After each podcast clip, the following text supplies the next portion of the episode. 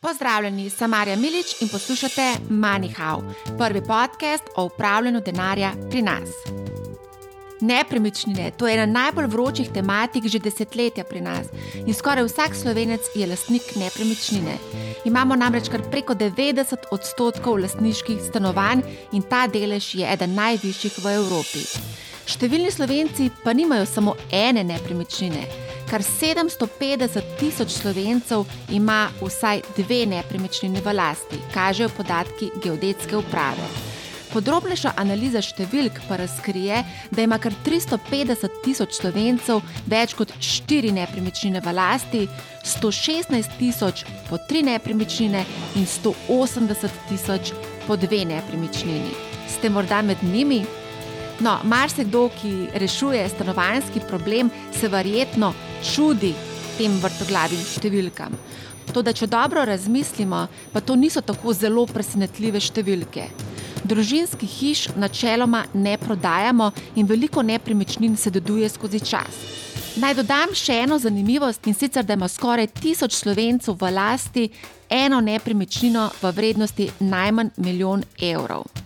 Nepremičnin nimamo samo v Sloveniji, okoli 110 tisoč slovencev ima nepremičnino pri sosedih, večinoma ob hrvaški obali. Verjetno je na področju nekdanje skupne države še kar nekaj lastnikov nepremičnin s slovenskim državljanstvom.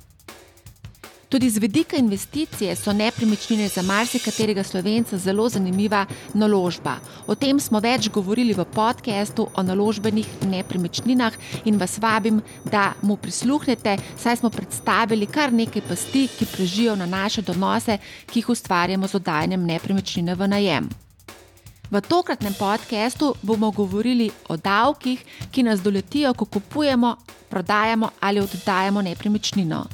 Zavedam se, da številni, ki vlagajo v nepremičnine z namenom oddajanja, hkrati ne vlagajo na borzo in obratno. In ker sta obe temi precej obsežni, smo v prejšnjem podkastu obdelali obdavčitev delnic, dividend, obresti in seveda kriptovalut ter izvedenih finančnih inštrumentov. V tokratnem davčnem podkastu se lotimo davkov in nepremičnin z Juretom Mercino, ki je partner v družbi za davčno in podjetniško svetovanje Lightner and Light. Pretnar, vmes pa nam bo z zanimivostmi postregel tudi stojen glavač iz finančne uprave. Jure, lep pozdrav. Lep pozdrav, Marja, živijo. Evo, ponovno se srečava, tokrat je govora o nepremičninah. Zanima pa me, v katerih primerih se pravzaprav ljudje obrnejo na davčne svetovalce, lahko morda izpostaviš kak zanimiv primer iz prakse. Ja, zavezanci se največkrat obrnejo na nas eh, v primerih, ko načrtujejo kakšen prenos nepremičnin v okviru recimo dedovanja oziroma. Da jim rečem, darilnih pogodb. Veliko krat se na nas tudi obrnejo v situacijah, ko že nastanejo določene težave, recimo, ko ugotovijo za nazaj, da uh, določen davek ni bil napovedan, oziroma recimo, da ni bil obračunan DDV, oziroma bil napačno obračunan v primeru kakšnih transakcij, ne treba potem zadeve sanirati za nazaj. Ja, dedovanja in darila so vedno zelo zanimiva tema, o tem bomo kdaj drugič več povedali. Nekaj o stroških svetovanja smo sicer že govorili v prejšnjem podkastu, ampak vseeno deva še enkrat obnoviti za ta podcast. Koliko torej stane davčno svetovanje? Ja, zdaj načeloma storitev davčnega svetovanja se obračuna po porabljenem času in po urni postavki, ki je odvisna od nivoja svetovalca, torej glede na to, kako zahtevna zadeva je. Ampak, če mogoče probujem neko, neko okvir postaviti v primeru napovedi, recimo, če gre za neko napoved od eh, kapitalskih dobičkov pri odsvojitvi nepremičnin, ne, se ta cena giblje nekje tam, recimo, od, od 400 do, do 800 evrov. To se mi zdi kar relativno sprejemljivo, glede na to, kakšno vrednost v bistvu nepremičnine predstavlja. Ja, seveda. Ne, um, to je zdaj, seveda, odvisno od, od same kompleksnosti transakcije, ne, ampak če gre zgolj za pripravo neke napovedi, tudi zadeva običajno ni, ni preveč eh, zapletena. Sedaj pa zagriziva v prodaje in nakup nepremičnine, potem bova pa obdelala v drugem delu tudi oddajanje nepremičnin. Marsikdo je v lockdownu spoznal, da živi v pretesnem stanovanju in si je zaželel malce več kvadratov. Čeprav je bilo v bistvu lani otežkočeno poslovanje z nepremičninami zaradi omejitev upravljanja dejavnosti, pa se je vseeno zgodilo okrog 6500 transakcij z rabljenimi stanovanji na ravni države. To je v bistvu za četrtino manj kot v letu 2019. Takšne so ugotovitve našega preliminarnega monitoringa, ki ga pripravljamo v Capital Genetics skupaj z IT partnerjem Arvijo. Torej, transakcije so se dogajale tudi v tem koronskem letu 2020. Koliko dela ste pa vi imeli vezano na nepremičnine, če lahko vprašam? Ja, tudi mi smo zaznali v bistvu nekako upad transakcij z, z samimi nepremičninami. Je pa res, da smo urejali nekatere zadeve še iz prejšnjih let, ko se je bodi si napoved eh, pozabila oddati, oziroma so bili davki na robe obračunani. To bomo potem malce bolj podrobno pogledala, kaj se zgodi, če na robe oddaš napoved ali pa jo sploh pozabiš. Skratka, dejva se dotakniti zdaj tega vprašanja. Številni se, ko se odločajo za nakup stanovanja, v bistvu gre za neko verižno transakcijo. Torej, najprej prodajo svojo nepremičnino in potem kupijo novo nepremičnino. Kako je z davki v primeru? Prodaje nepremičnine, katere plačamo, kdaj jih ne plačamo, torej na kaj moramo biti pozorni pri prodaji. Ja, če ste fizična oseba in uh, prodajate nepremičnino, je treba biti pozoren predvsem na, na dva davka. Prvi davek je davek na promet nepremičnin, ki znaša 2% od vrednosti nepremičnine in je transakcijski davek. V osnovi ga plača prodajalec nepremičnine, lahko pa se s kupcem tudi dogovori, da ga plača kupec. Drugi davek, na katerega se kar mal pozabi, je pa v bistvu davek od kapitalskih dobičkov oziroma dohodnina. Namreč odsvojitev nepremičnine se šteje v bistvu za odsvojitev kapitala, ki je ravno tako v nekaterih primerjih lahko obdavčena. Torej, obdavči se v osnovi v teh primerjih razlika med nabavno in prodajno ceno nepremičnine. Ja, bliža se prvi marec, ko bo potrebno oddati napoved za odmero dohodnine in seveda tudi napovedati kapitalske dobičke. Torej, v katerih primerjih moramo oddati napoved za odmero dohodnine, uh, vezano na nepremičnine? Ja, zdaj v osnovi velja, da je treba uh, oddati napoved v vseh primerjih obdavčljivih odsvojitev. Seveda pa zakon, kot v vseh primerjih, tudi pri nepremičninah pozna nekatere izjeme, ko napovedi ni treba vložiti, zato ker gre za oproščeno transakcijo.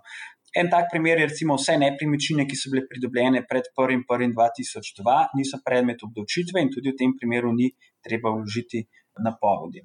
Na drugi strani poznamo pa še eno specifiko in, ne, in to je pa je, če v bistvu vi odsvojite stanovanje ali stanovansko hišo, ki ima največ dve stanovanji, kjer je imel zavezanec prijavljeno stalno prebivališče, je imel to nepremičnino v lasti in je tam tudi dejansko bival zadnja tri leta pred odsvojitvijo. Tudi v tem primeru je mogoče doseči eh, oprostitev plačila dohodnine, ampak v teh primerih je treba ravno tako vložiti napoved in to oprostitev tudi potem posebej uveljavljati. Po kakšni stopni pa smo obdavčeni, nekaj si že omenil, kako se izračuna davčna osnova, da je pa še enkrat ponoviti. Ja, zdaj, sama davčna osnova je razlika med uh, prodajno in nabavno vrednostjo uh, nepremičnine. Ne, tukaj se potem tudi eh, upoštevajo določeni stroški in sicer v bistvu se upoštevajo eno odstotni normirani stroški, ki v bistvu predstavljajo vsoto enega procenta od nabavne vrednosti in enega procenta od vrednosti ob odsvojitvi. In pa pod določenimi pogoji tudi stroški, ki povečujejo nabavno vrednost nepremičnine, sem noter pa spadajo vrednost na nepremičnini upravljenih investicij in stroškov vzdrževanja, če gre za stroške, ki povečujejo uporabno vrednost nepremičnine, eh, potem tudi znesek davka na dediščine in darila. In davka na promet nepremičnin, ki jih je plačal zavezanec ob pridobitvi te nepremičnine, in pa stroški, ki jih je plačal zavezanec v zvezi z cenitvijo nepremičnine, vendar največ do višine 188 eh, evrov. Tako da na ta način se v bistvu izračuna potem davčna osnova, davčna stopnja pa je potem odvisna od trajanja imetništva nepremičnine, ravno tako kot pri delnicah, potem pada z eh, dolžino imetništva, do pet let znaša 27,5 odstotkov, po dopolnjenih petih letih 20 odstotkov, po dopolnjenih desetih letih 15 odstotkov, po 15 letih 10 in po 20 letih je tak dobiček oproščen. A mogoče lahko tako po občutku poveš, koliko je takšnih, ki v bistvu držijo stanovanje več kot 20 let, so hodlari, po domače povedano, kot pravijo milenici. Ja, običajno so to zavezanci, ki v tej nepremičnini tudi živijo, ali pa recimo imajo noter nekega najemnika. Zaenkrat, ker v bistvu vse nepremičnine pridobljene pred 1.1.2002, za njih ni treba vlagati davčne napovedi, tudi težko podam to oceno, zato ker taki zavezanci niti ne rabijo davčne napovedi vlagati in, in niti ne stopijo potem v stik z, z nami. Številni slovenci so v lockdownu mogoče celo spoznali, da bi bilo fino narediti facelift svojemu stanovanju. Prej smo že omenili, kako se izračuna davčna osnova in kaj v bistvu lahko vse upoštevamo in znižamo to davčno osnovo. Pa me zanima konkretno za stroške prenove hiše oziroma stanovanja. Kateri so ti stroški in če lahko čim bolj konkretno izpostaviš te stroške, ki jih lahko v bistvu uveljavljamo? Stroški, ki povečujejo nabavno vrednost eh, nepremičnine, so tisti, ki v bistvu se štejejo za neko investicijo in povečujejo samo porabno vrednost nepremičnine. Ne? Torej, tukaj gre naprimer, če vi uh, zamenjate streho, če vi date novo fasado, zamenjate okna in tako dalje. Ne? To so vse eh, stroški oziroma investicije, ki potem povečajo uporabno vrednost nepremičnine. Verjetno je tukaj potrebno podariti, da potrebuješ tudi račun, ker veliko krat se te storitve upravljajo tudi brez računa. Ja, to je, to je ena kar velika težava, ker dejansko je zadeva prišla enkrat tudi do vrhovnega sodišča. Eh, nek zavezanec je namreč ustrajal pri tem, da tudi lastno delo na nepremičnini ne, je treba vrednotiti in nekako povečuje nabavno vrednost nepremičnine. Vendar pa je tukaj vrhovno sodišče reklo, da samo tisti stroški, ki jih je plačal zavezanec, a ne nekomu drugemu, se štejejo za stroške, ki povečujejo nabavno vrednost nepremičnine. Tako da v bistvu so, so lastno delo na nepremičnini je za davčne namene neupoštevno. Škoda, v bistvu, ker slovenci zelo radi rihtamo svoje hiše. Ja, to je naš, uh, naš hobi, velikrat. Ja, no, zdaj, ko že govorimo o, o ko menjava hobije, marsikdo benti čez uradnike, ki nas pri urejanju formalnosti veliko krat pošiljajo, recimo, temu na sprehod od enega okenca do drugega in spet nazaj. Skratka, stanovanje ne prodajamo vsak dan in marsikdo se bo tega lotil prvič. Ali moramo v vsakem primeru prijaviti, da, vkari, da smo prodali nepremičnino, ali je to že storjeno po kakšni uradni dožnosti? Ne, običajno je tako, ne, da če, če želite vi neko nepremičnino prodati, ne, potem mo, pač pogoj za to, da se lahko nepremičnina proda, je tudi uh, zemljiško-knjižno dovolilo, ki ga mora overiti notar. Notar pa ne sme, skladno s svojimi pravili, overiti takega uh, dovolila, če ni na kupoprodajni pogodbi hkrati tudi potrdila, da je bil davek ustrezno napovedan in plačan. Torej, to pomeni, da dejansko v bistvu je treba vložiti napoved za odmero davka na promet nepremičnine. Seveda pa v vseh teh primerjih vas bo pa tudi uh, uslužbenec oziroma uslužbenka Fursa spomnila, da je treba v 15 dneh po sklenitvi pogodbe vložiti tudi napoved za odmero kapitalskih dobičkov. Tako da zelo težko se v teh primerjih pozabi na davčno napoved, zato ker v bistvu, če davka na promet nepremičnin ne napoveste in ne plačate, tudi notar ne bo overil pogodbe in do prenosa nepremičnine ne more priti.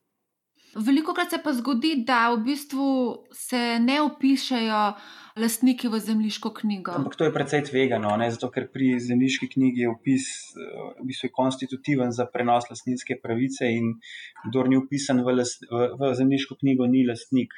Tako da vsekakor to, razen mogoče znotraj nekega družinskega kroga, ampak drugače pa to ni, ni uh, praksa. Prej smo že omenili kapitalske dobičke, zdaj pa preverimo, kakšne so možnosti, če recimo ustvarimo izgubo s prodajo nepremičnine. Ja, Mar se kdo bo verjetno rekel, da je bilo to lani nemogoče, ker smo imeli rekordno leto, vsaj kar se višine cen tiče. In sicer po zadnjih podatkih so cene v Ljubljani presegle 2900 evrov za kvadratni meter, nekateri celo napovedujejo, da bodo letos cene presegle mejo 3000 čakov. Tudi na ravni Slovenije smo v bistvu imeli rekordno leto in sicer kar se tiče cen, in sicer smo prebili magično mejo 2000 evrov na kvadratni meter. Vprašanje pa je, ali lahko kompenziram izgubo pri prodaji nepremičnine z dobičkom od prodaje delnic in seveda obratno. To je možno, torej te dobičke in izgube se lahko med seboj tudi pobotajo. Lahko morda še kaj na to temo poveva? Ne, to je to edino, kar mogoče eh, ta časovna komponenta je pomembna, ne, zato ker vi morate oddati napoved za odmero dohodnine pri nepremičninah v 15 dneh od sklenitve pogodbe, medtem ko napoved za dobičke pri uh, vrednostnih papirjih se oddaja do konca februarja. Ne. In to pomeni, da seveda vi boste tisto napoved za kapitalske dobičke pri nepremičninah že oddali tekom leta, recimo 2020, potem pa boste v napovedi za kapitalske dobičke, ki se bo daja do konca februarja 2021, eh, zahtevali tudi to, oziroma eh, uveljavljali pobod morebitnih dobičkov in izgub v tem delu. Zdaj bom spet omenila mojega soseda. In sicer moj sosed je želel na vsak način prodati stanovanje za opremo, vendar je želel v ta namen eh, ločeno pogodbo, torej pogodbo za stanovanje in ločeno pogodbo za opremo. Nekako predvidevam, da gre tu za kakšen davčen hakelc, kako je z obdavčitvijo v tem primeru. Ja, tukaj gre za en že kar precej uh, star davčni trik, če lahko temu tako rečemo. Namreč prodaja opreme ni predmet davka na promet nepremičnin, ne? ravno tako mora biti dobiček pri prodaji opreme ni obdavčen uh, z dohodnino. In seveda posledično se stranke veliko krat dogovorijo, da bojo ločeno prodale opremo in ločeno nepremičnino, s čimer si bojo do neke mere recimo, uh, nekoliko znižali davčno obveznost. Uh, bi pa rad upozoril, da seveda FURS ta trik že dobro pozna. In uh, smo že zasledili v praksi primere, ko, ko je FURS v bistvu oporekal vrednosti opreme, da je pač nastavljena previsoko, glede na to, kako je dejansko to stanovanje opremljeno. Tako da je tukaj treba biti zelo, zelo previden in pa predvsem ne pretiravati.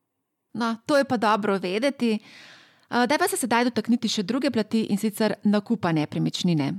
Eh, recimo, ko pogledam skozi okno naše pisarne, ki imamo v središču Ljubljane, vidim žrjave, gradi se na polno in okrog mene rastejo novi stanovanjski objekti. Nekako čez palec lahko v letu ali dveh pričakujemo okrog 2000 novih stanovanj. Ne rastejo pa samo novi objekti, ampak tudi cene. Novo gradnje praktično pod 3500 evrov za kvadratni meter ne bomo dobili. Cene so kar precej zasoljene in lahko presegajo 4, 5, celo 6 tisočakov za kvadratni meter.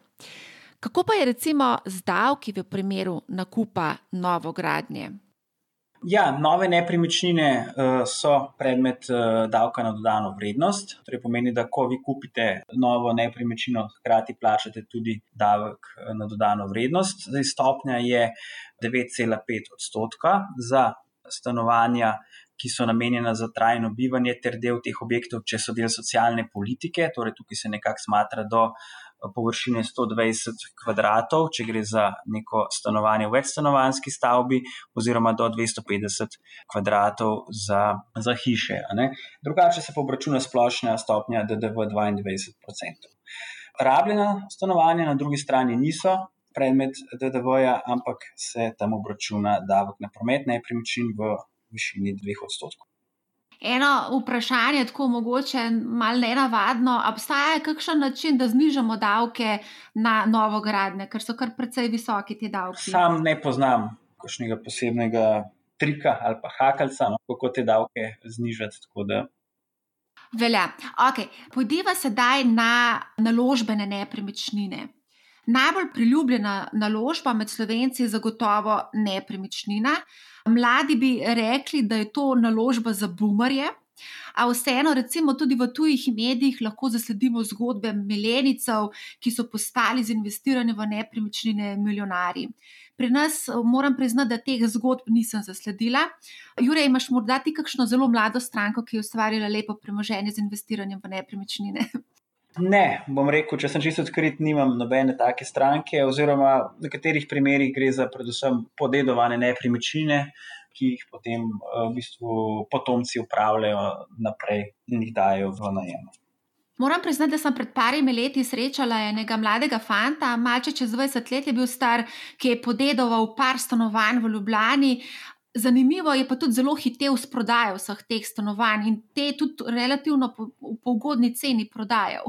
A morda tukaj morda ste komu svetovali, kdaj, ko kažemo takemu, kako v bistvu se lotiti tega projekta, če dobiš recimo kar naenkrat cel kup nepremičnin v upravljanje? Ja, pri nas se ukvarjamo veliko tudi z samim načrtovanjem transakcij, recimo, predvsem kar se tiče prenosa, deležev in pa tudi nekih nepremičnin na, na potomce. Ne? Zato, ker to je precej kompleksno področje, ne? zato, ker se na eni strani dotika posledic eh, na področju rednega prava. Ne? In pa seveda ima tudi zelo pomembne eh, davčne posledice. Ne? Tako da to, to načrtovanje prenosa premoženja na potomce je neka storitev, kjer se kar velik zavezanc na nas obrača. Uh, mimo grede, na kaj paziti, ko se odločamo za naložbeno nepremičnino? O tem smo tudi posneli podcast. Posnela sem ga s kolegom Andražem Briljem, ki se ukvarja z ocenjevanjem vrednosti nepremičnin. Če podcasta še niste poslušali, vas vabim, da to storite. Predstavili smo res veliko zanimivih spoznanj. Sedaj pa hitiva naprej in sicer se bomo dotaknili ene zelo aktualne teme, še zlasti na področju nepremičnin in to je utaja davkov. Nekaj o tem nam bo povedal Stojan Glavač iz finančne uprave, predlagam, da ga poslušamo.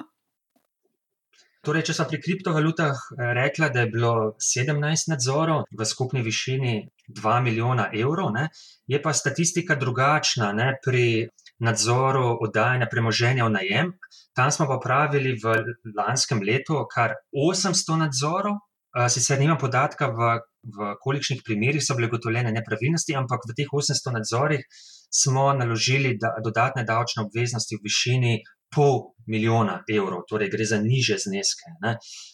Zanimivo mi je vedno uh, vprašati vas na Forsu, kako odkrivate kršitelje. Uh, ja, ja, res je. Torej, zelo zanimivo je, je predvsem področje oddajanja premoženja na najem. Odkrivamo na različne načine. Ne? Zato, ker praktično neka skupna točka tistim kršiteljem, glede oddajanja premoženja v najem, je, da se zelo, zelo pogosto izgovarjajo, da sicer so lastniki eh, stanovanja, ampak je to stanovanje prazno. Ne? Torej, pri oddajanju premoženja na najem so podrobno gledano predvsem oziroma zlasti stanovanja, kjer, pos, kjer je posameznik lastnik, nima pa prijavljenega prebivališča. Ne. In uh, v takšnem primeru se številni kršitelji zgovarjajo, da je takšno stanovanje prazno.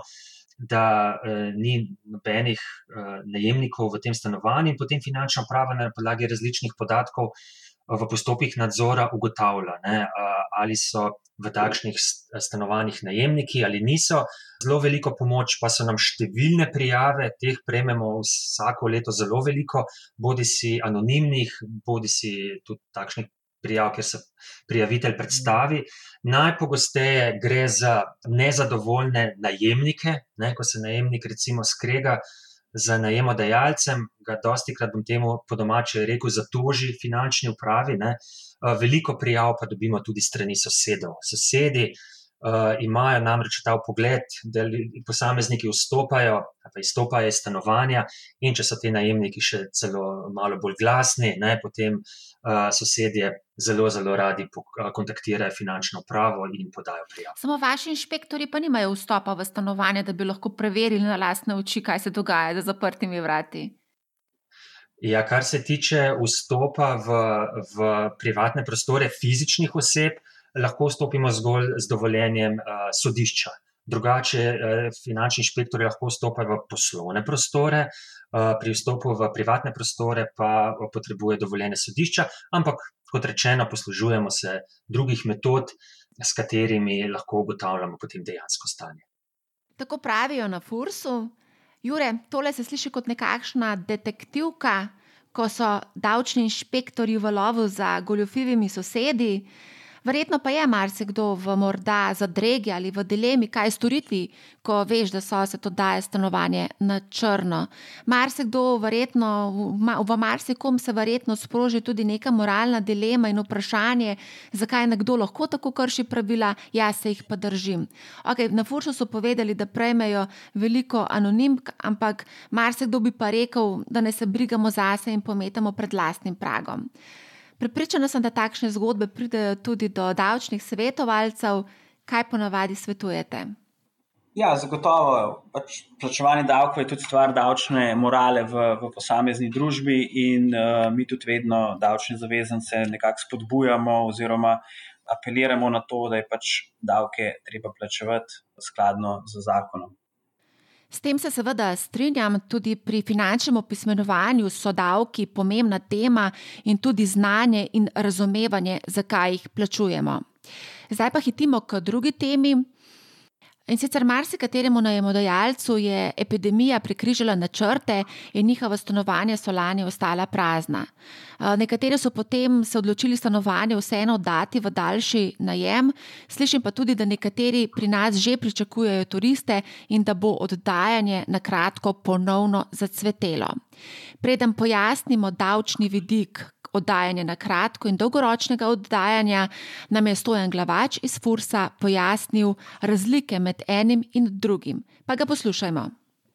Zdaj, tukaj bi izpostavil eno zadevo, ki se mi zdi zelo, zelo aktualna. Sicer aktualna bi bila še bolj v poletnem času. Namreč uh, potrebno je razlikovati pri oddajanju v najem med oddajanjem v dolgoročni najem in pa v turistični najem. Torej, če, če posameznik oddaja premoženje v najem vem, študentom za celo koledarsko leto, ali pa recimo vem, oddaja kakšni družini, torej ima v sobi najemojemalce. Potem takšnemu zavezancu ni treba registrirati dejavnost. Enostavno do 28. februarja napove dohodke iz oddajanja premoženja v najem in potem na podlagi prijete odločbe plača davek iz tega naslova.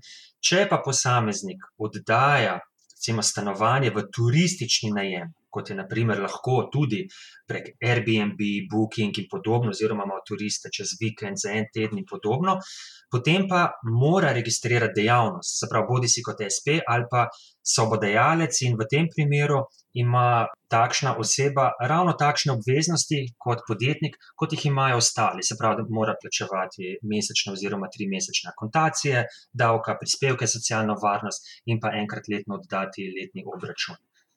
Tako pravi stojan z Fursa. Jure, dajva pojasniti razlike z davčnega vidika, kako je v primeru kratkoročnega oddajanja oziroma dolgoročnega, kakšne so razlike.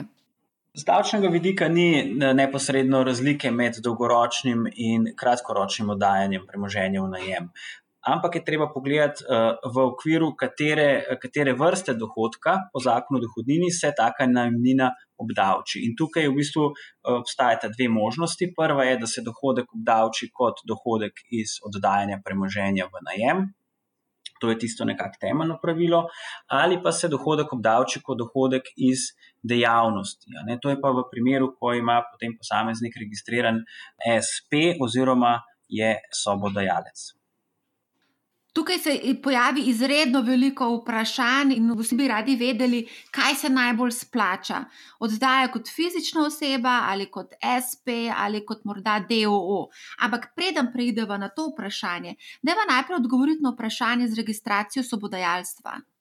Ja, zdaj, sobodajalec to je en poseben pravni status. Zdaj, eh, posameznik namreč lahko nepremičnino oddaja, brez da registrira nek poseben status. To je v tem primeru se dohodek obdavči kot dohodek iz oddajanja premoženja v najem. Če pa se posameznik registrira, ne, torej se bodi, kot, e, bodi si kot SP ali pa kot sobodajalec. Zdaj, pri samem sobodajalcu so določeni pogoji in sicer je pogoj to, da se lahko oddaja največ pet mesecev v koledarskem letu in pa lahko se nudi največ do 15 ležišč. Tudi sobodajalec se mora upisati v poslovni registr IPES.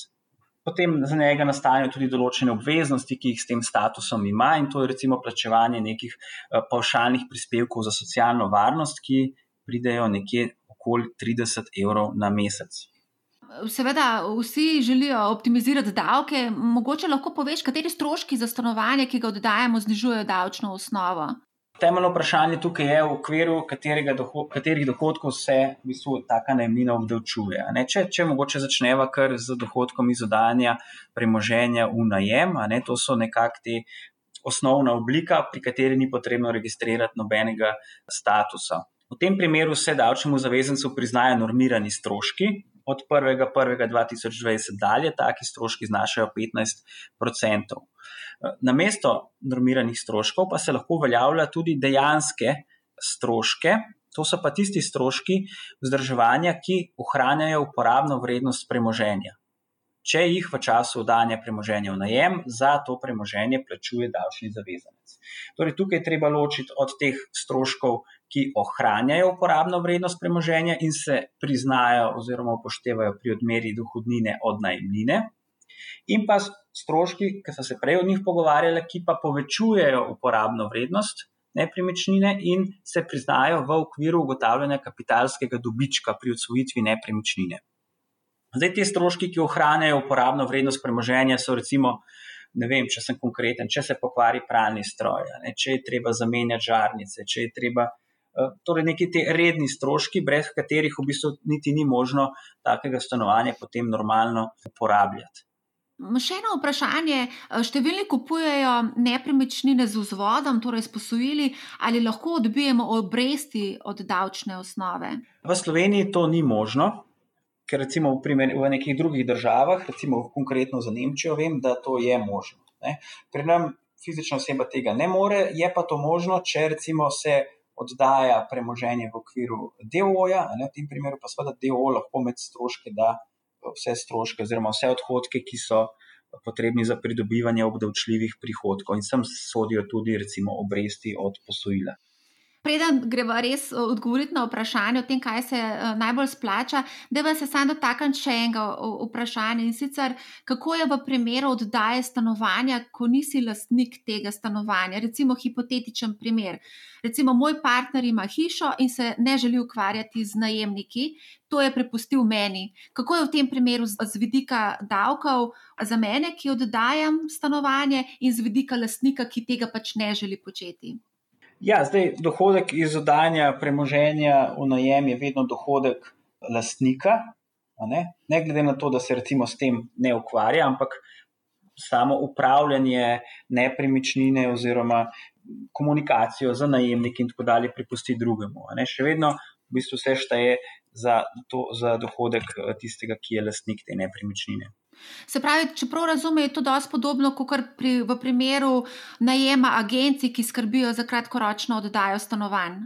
Tako, tako. Vedno je v bistvu prejemnik najemnine oziroma za davčne namene eh, obdavčen tisti, ki je lastnik premoženja, ki tudi generira ta dohodek. Okay, sedaj se bomo pa dotaknili tistega dela, ki večino ljudi tudi najbolj zanima. Kako oddajati nepremičnino, katera oblika je najbolj z davčnega vidika smiselna, kot fizična oseba, kot SP ali kot DO. Nekaj posebnosti smo že omenili, pa mogoče gremo kar direktno na odgovor. Jaz upam, da ne bom poslušalcev razočaral, no, ampak dejansko ni možno dati odgovora enoznačno in reči, ta oblika je davčno najbolj ugodna. Ne? Zato bom pa probil navesti vse okoliščine, ki pa vplivajo na, to, na izbiro, kaj je v vašem konkretnem primeru najbolj ugodno.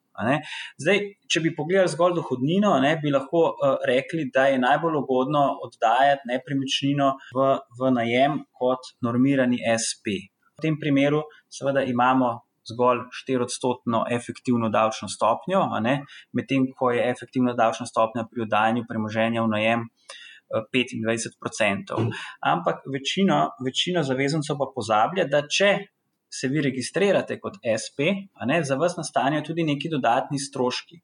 In ti zglaven strošek, recimo, če ste popoldanski SP, ne, torej če ste že neki drugi zaposleni, so recimo prispevki za socialno varnost, ne, ki se plačujejo v pošaljnem znesku in zna, to znaša cca 70 evrov na mesec. Ne, tako da tukaj je zdaj seveda treba potem konkretno presoditi, koliko znaša vaša najemnina. Ali, ali je najemnina taka, da v bistvu še vedno kompenzira te prispevke. Če v torej primeru više najmnine se nekako bolj splača to oddajati kot normiran SP, na drugi strani, če je najmnina nižja, se pa bolj splača v bistvu to oddajati kot dohodek iz oddajanja premoženja uh, v najem. Ne? In pa treba je seveda tudi vedeti, da je tukaj za samim SP-jem potem tudi nekaj uh, administrativnega uh, dela. Ne? Ali lahko samo uskočim z enim vprašanjem? Uh mhm. -huh. Recimo, da oddajam stanovanje in da prejemam 1000 evrov najemnine na mesec. Ali se uvrstim v kategorijo normirani SP? Ja, treba je zdaj normirani SP. Ne? Če ste vi popodanski SP, kar pomeni, da ste že nekje druge za polni delovni čas vključeni v sistem obveznih socialnih zavarovanj, potem ne sme ne smejo prihodki takega, takega SP-ja presegati 50 tisoč evrov. Zdaj, če rečemo, da je to 3000 evrov na mesec, pomeni, da vi še vedno izpolnjujete ta pogoj in, in ste lahko normirani SP. Mogoče še eno vprašanje, kako pa je potem s prenosom nepremičnine na SP? Je to potrebno urediti, verjetno je potrebno. Ne? Ja, to je tudi ena zelo pomembna uh, točka, ne, ki, ki jo veliko tudi davčni zavezanci pozabljajo. Ne, in sicer pravno gledano, v bistvu SP kot tak ni ločen, ne, zato ker ste vi še vedno ena in ista fizična oseba.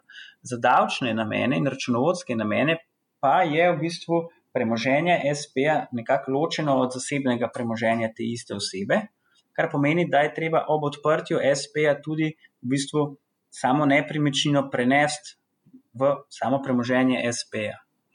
In seveda potem tudi nazaj v, da jim rečemo, gospodinstvo te fizične osebe. Tako da to je tudi ena zadeva, kjer, na katero se ne sme pozabiti, uh, če, če se odločite za oddajo nepremičnine preko SP-ja. Je kdaj se splača odpreti DO? Ja, zdaj tudi na to, uh, na, ta, na to vprašanje je zelo težko odgovoriti. Um, pri DO je treba vedeti, da tisto, kar na koncu ostane od najemnine, torej, da reči temu dobiček, vi kot lastnik DOJ s tem dobičkom še ne morete prosto razpolagati, ampak je treba v bistvu ta dobiček še potem potegniti ven iz DOJ, bodi si kot dividende, bodi si kot nek dohodek po pogodbi o poslovodenju ali pa kot dohodek iz zaposlitve, pričemer v tej koraku spet nastanejo določene davčne obveznosti. Tako da um, tukaj treba v bistvu tudi malo vedeti, za koliko časa vi nameravate to oddajati, ali zdaj ta denar, ta dobiček iz naslova oddajanja premoženja v najem potrebujete, tekoče, ali bi ga lahko recimo puščali na DOJ-u, pa potem po določenem časovnem obdobju uh, DOJ recimo zaprete, pa se potem tam. Proba z neko nižjo davčno stopnjo to kompenzirati. Tako da tukaj je veliko možnih scenarijev. Zdaj, ob tem se mi poraja še eno vprašanje, sicer kako pa je z DDV-jem in najemnino. Slišim, da se včasih dogovorita tako najemodajalec kot najemnik za plačilo DDV-ja. Kdaj se pravzaprav to sploh dogaja? Ja, zdaj v osnovi velja, da je najemnina oproščena DDV-ja, ne glede na to, pa se lahko um, uh, najemnik in najemodajalec, ki sta oba dva uh, davčna zavezanca za DDV in bosta to Eh, nepremičnino uporabljala za namene obdočljive dejavnosti, dogovorita, da bosta od te najmnine obračunala DDV. Ne, to se dogaja predvsem takrat, recimo, kadar je eh, kupec oziroma najemodajalec ob nakupu nepremičnine odbijal stopni DDV ne, in seveda, more, če želi se izogniti temu, da bo mogel ta odbitek popravljati, mora potem tudi to nepremičnino naprej oddajati v najem z DDV-jem. Predvidevam, da to ni praksa, ko je na drugi strani fizična oseba. Ja, to ni možno, ne? zato ker izjavo za obdočitev lahko podata samo dva davčna zavezanca. Ne? In če imamo na drugi strani fizično osebo, ki ni SP, registrirana za DDV, potem v bistvu sploh te najmnine ni možno obdavčiti z DDV. To je iz Fursa nam bo sedaj povedal, na kaj morajo biti zavezanci pozorni pri izpolnjevanju napovedi. Predvsem pri teh napovedih, ki so malo bolj kompleksne, recimo tudi pri kapitalskih dobičkih, predvsem pa pri oddajanju premoženja najem opažamo, da zavezanci spuščajo določene rubrike. Recimo pri sebi nimajo podatka, enostavno rubrika spuščajo. Zato res toplo, toplo priporočamo, da izpolnijo vse rubrike, tiste, ki se nanašajo na njihovo davčno obveznost. V primeru nepremičnin je, so to rubrike, ki jih morajo izpolniti, kot so naprimer vnesti morajo šifro in ime katastrske občine, številko parcele stavbe, dele stavb. Torej, ne si pripravijo podatke in obrazec. Res izpolnijo v celoti. Zraven so običajno k obrazcem in konkretno k temu so tudi priložena navodila, če pa ima zavezanec države kljub navodilu za izpolnevanje napovedi, pa kot rečeno, naj se obrne na naš klicni center. Jure, bi morda temu kaj dodal? Kakšne so posebnosti pri izpolnjevanju napovedi, kje so tiste napake? Nekaj smo že na začetku sicer omenila, da se dogajajo napake pri izpolnjevanju napovedi. Kaj ste vi pri vas ugotovili? Ja, veliko krat uh, zavezanci uh, pozabljajo na to, recimo v primerih, ko podarijo nepremičnino, ne, da tudi čeprav za, v bistvu jo dajo za stojn na nek način naprej, ne, so ravno tako zavezani k davku od kapitalskih dobičkov. In v tem primeru se seveda ugotavlja uh, kot vrednost ob odsvojitvi ne vrednost nič, ampak uh, tržna vrednost nepremičnine v času odsvojitve. In to velikrat ljudje pozabijo, ker mislijo, da, da so nepremičnino v bistvu dali za stojn, ker so jo podarili in da se iz tega naslova ne bojo nobenih davkov plačali, pa zadeva ni čistaka. Tako da tudi v teh primerih je treba dati davčno napoved. Bi pa tukaj omenil, da če gre za podaritev nepremičnine tomcem oziroma zakoncem, gre torej za prvi delni red, se lahko uveljavlja odlog ugotavljanja davčne obveznosti. Da se v tem primeru potem v bistvu nekako uh, ta obveznost prenese na prejemnika nepremičnine.